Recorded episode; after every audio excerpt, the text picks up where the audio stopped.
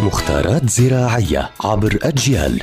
نتعرف في كل حلقة على سر من أسرار عالم الزراعة وفلاحة الأرض مع المهندس الزراعي مجدي عبد الله. يعطيكم ألف عافية. أهلا بكل متابعي ومتابعات أجيال عبر منصاتها المختلفة. رح نحكي اليوم الموضوع مهم وضروري. معظم الناس بيستخدموه لكن بعض الناس ما بيعرفوا ليش استخدمته أو طريقة استخدامه. وهو طلاء الأشجار. بمعنى أنه أنا الساق بدهنه. طبعا يستخدم الجير أو الشيد لحماية النبات من الآفات. كيف؟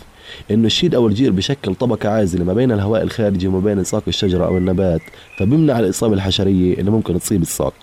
طبعا مكوناتها 5 كيلو جرام من الجير 1 كيلو جرام من كبريتات النحاس و20 لتر مي أو دهان.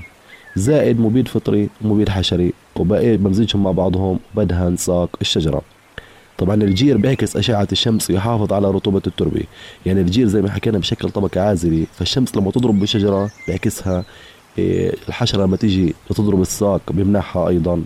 وبالتالي أيضا الجير يسبب إغلاق الشكوك وبالتالي الحشرات لا تأتي للتغذي على الشجرة. بمعنى أي شجرة في الدنيا أكيد فيها جروح فيها ثقوب فالشيل بيسكر هاي الثقوب بيسكر هاي المسامات وبالتالي الحشرة ما بتضربها. طبعا وقته يعني لكل إشي بالدنيا له وقت إضافي يعني أنا لما الشجرة لها وقت إضافي فوقته من بعد الشتاء إلى الصيف إذا كانت مزروعة جديد شرط بعد أربع سنوات يعني شجرة عندي مزروعة جديدة لا يفضل أن أدهنها فبزرعها بعد أربع سنوات من الزراعة ودائما من بعد الشتاء لأنه إذا دهنتها بالشتاء مطرت الدنيا عليها كل الدهان راح ينزل. فهذا هو طلاء الأشجار مكوناته وأسبابه ووقته وفوائده ويعطيكم ألف عافية.